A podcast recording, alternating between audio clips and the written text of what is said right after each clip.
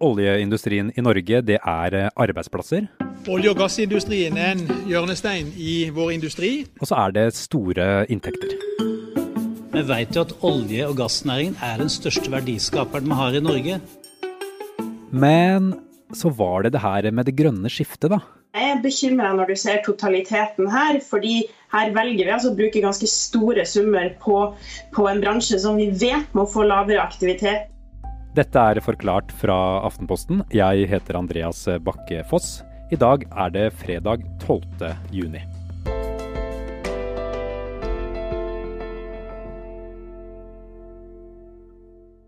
I norsk politikk så er det enighet om at oljenæringen og norsk økonomi skal omstilles.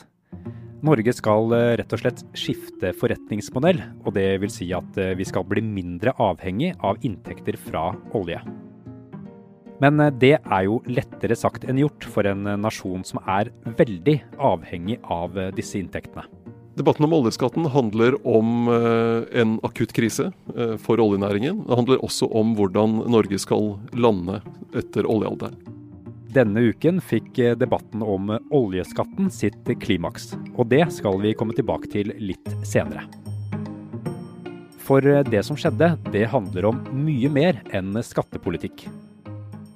Norge er et land som har lykkes veldig godt med oljepolitikken. Kjetil Bragli Alstaheim er politisk redaktør i Aftenposten. Spørsmålet nå er hvordan skal vi på en måte avslutte oljealderen?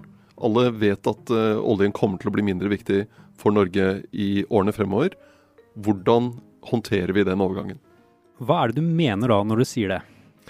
Det handler jo om uh, at uh, vi begynner å, å, tappe ut mye av uh, olje og gassen. Ut fra alle prognoser så vil olje og gass gradvis bli mindre viktig for, for, norsk økonomi.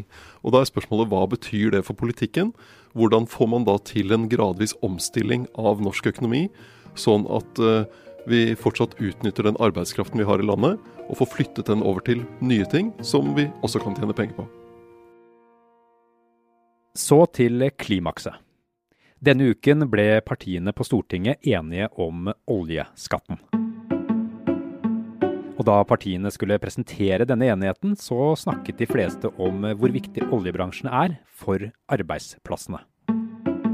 Det er dem på Stord. Det er bra for arbeidsplasser. Det er bra for inntjening for fellesskapet, for staten. Det er de tusenvis av arbeidsplassene og noen snakket om klima. Det er en plan som skal halvere klimagassutslipp på norsk sokkel innen 2030. Endringene som kom denne uken er egentlig ganske store. Det er endringer av et system som norske politikere til nå har vært opptatt av ikke å rokke ved. I mars så var det to ting som traff oljemarkedet. Det ene var en oljepriskrig, eh, der Saudi-Arabia skrudde alle pumper på fullt og oversvømte markedet med olje, sånn at prisen eh, gikk nedover. Og samtidig så kom eh, pandemien som gjorde at uh, samfunn ble stengt ned, biler ble parkert, uh, fly sto på bakken, fabrikker skrudde av maskiner. Sånn at oljeforbruket uh, ble kraftig redusert. Så det var plutselig mye mer olje på markedet, men mye mindre behov for den oljen.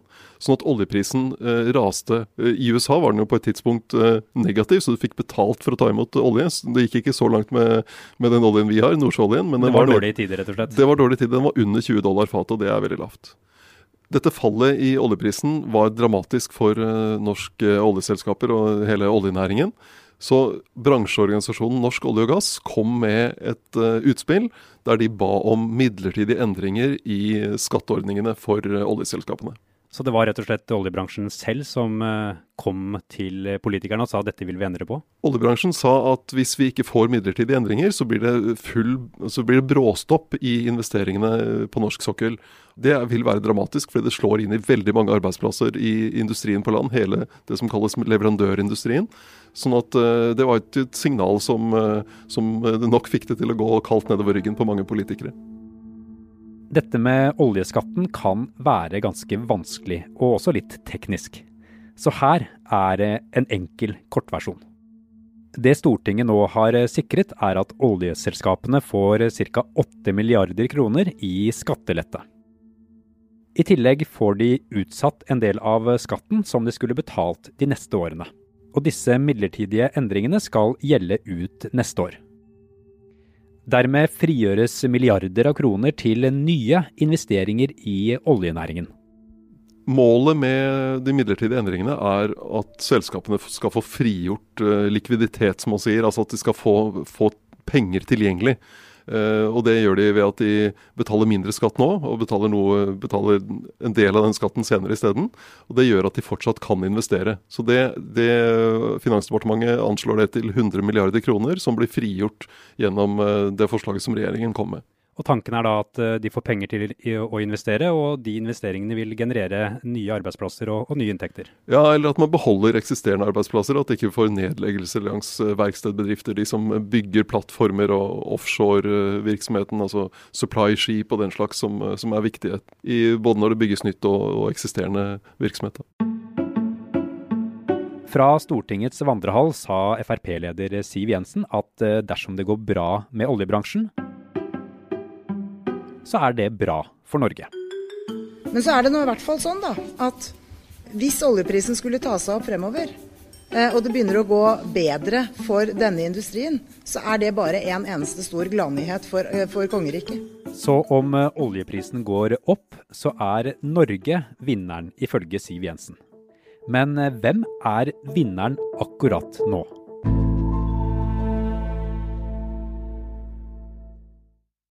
Kjetil, hvem er det som vinner på at man nå er enige om en ny oljeskatt?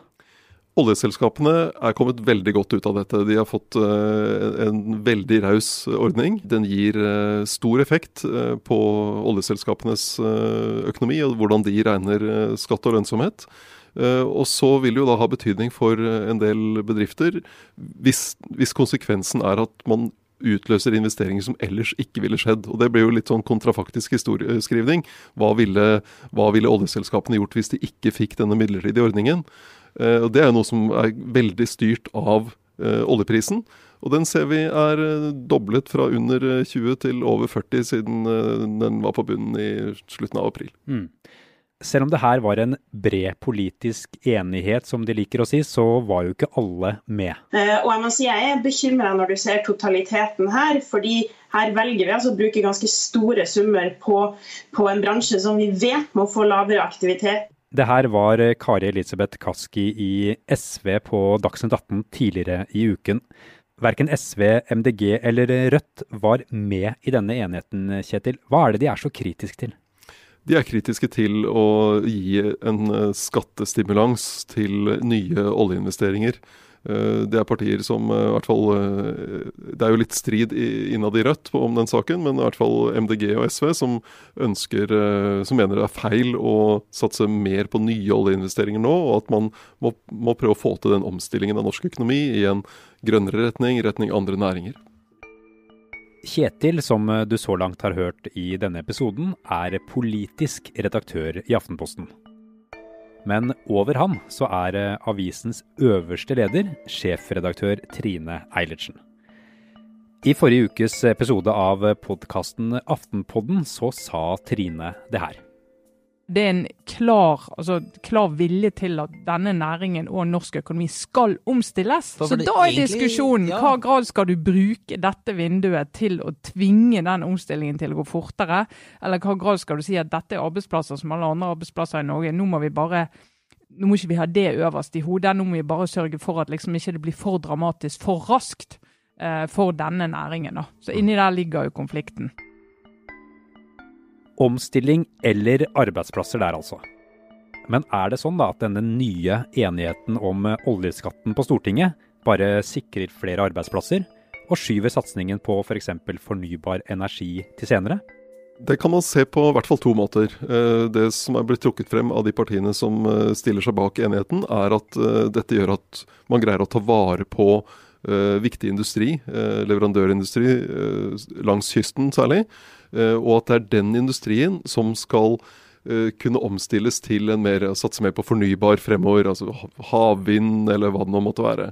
Eh, og at man trenger denne, disse oljeinvesteringene nå i noen år fremover, sånn at den industrien er der når vi skal gjøre den omstillingen. Det er én måte å se det på. En annen måte å se det på er at nå får vi fortsatt noen år med oljeinvesteringer. Så vi utsetter omstillingen. Dette gjør at disse bedriftene vil fortsatt drive med å bygge for oljenæringen, i stedet for å omstille seg, se etter andre oppdrag, se etter andre muligheter. Men når vi hører på politikerne i denne saken, så snakker de jo ofte om arbeidsplasser. Er det sånn at miljøet blir taperen på Stortinget i, i jakten på å sikre arbeidsplasser og, og inntekter i, i, nedgangstider, som vi har vært igjennom nå? Oljenæringen er jo Norges viktigste næring. Eh, og det har stor betydning eh, i store deler av landet, hva som skjer, hvordan den utvikler seg.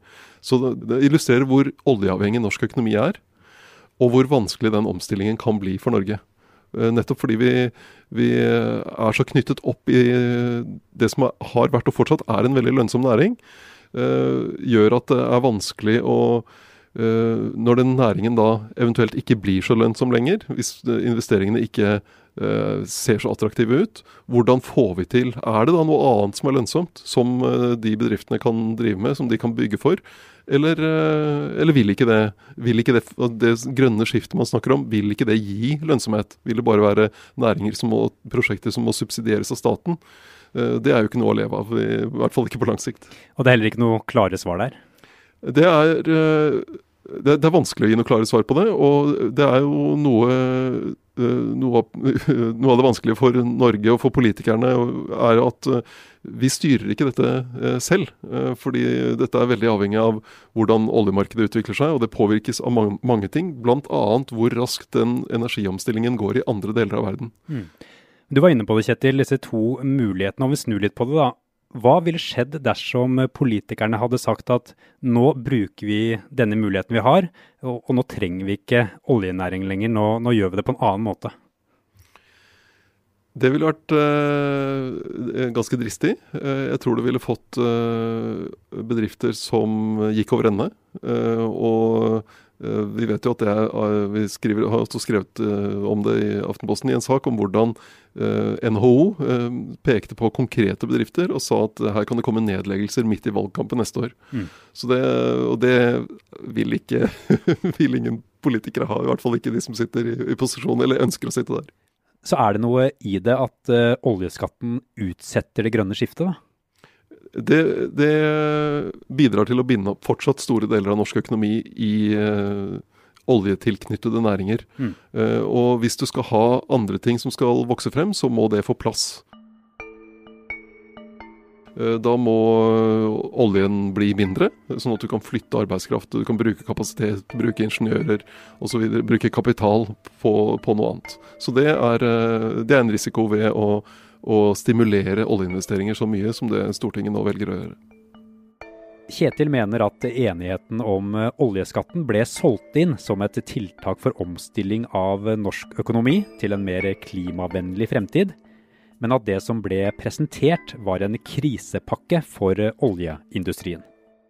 På den pressekonferansen som eh, ble holdt, så var det flere som Bl.a. Trond, Trond Helleland fra, fra Høyre og, og Arbeiderpartileder Jonas Gahr Støre som kalte dette en, en, bro over til fornybarøkonomien.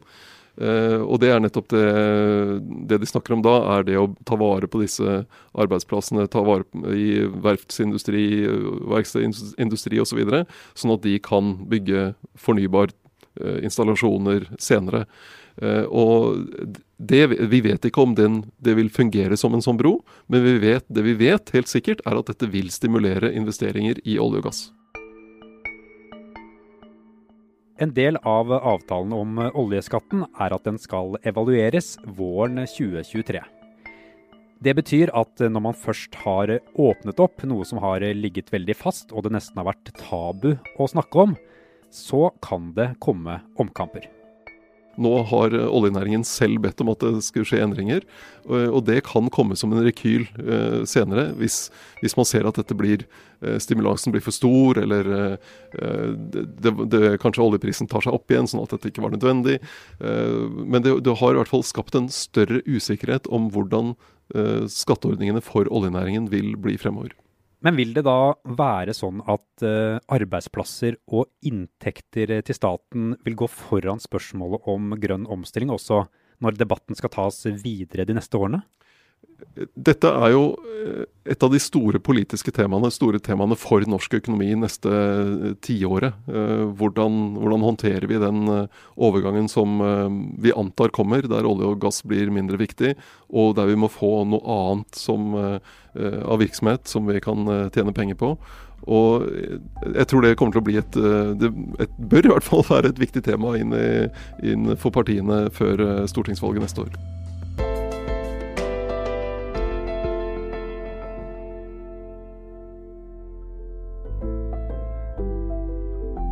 Forklart lages av Caroline Fossland, Anne Lindholm, Fride Næss Nonstad, Marit Eriksdatter Gjelland og meg, Andreas Bakke Foss. I denne episoden har du hørt lyd fra VGTV.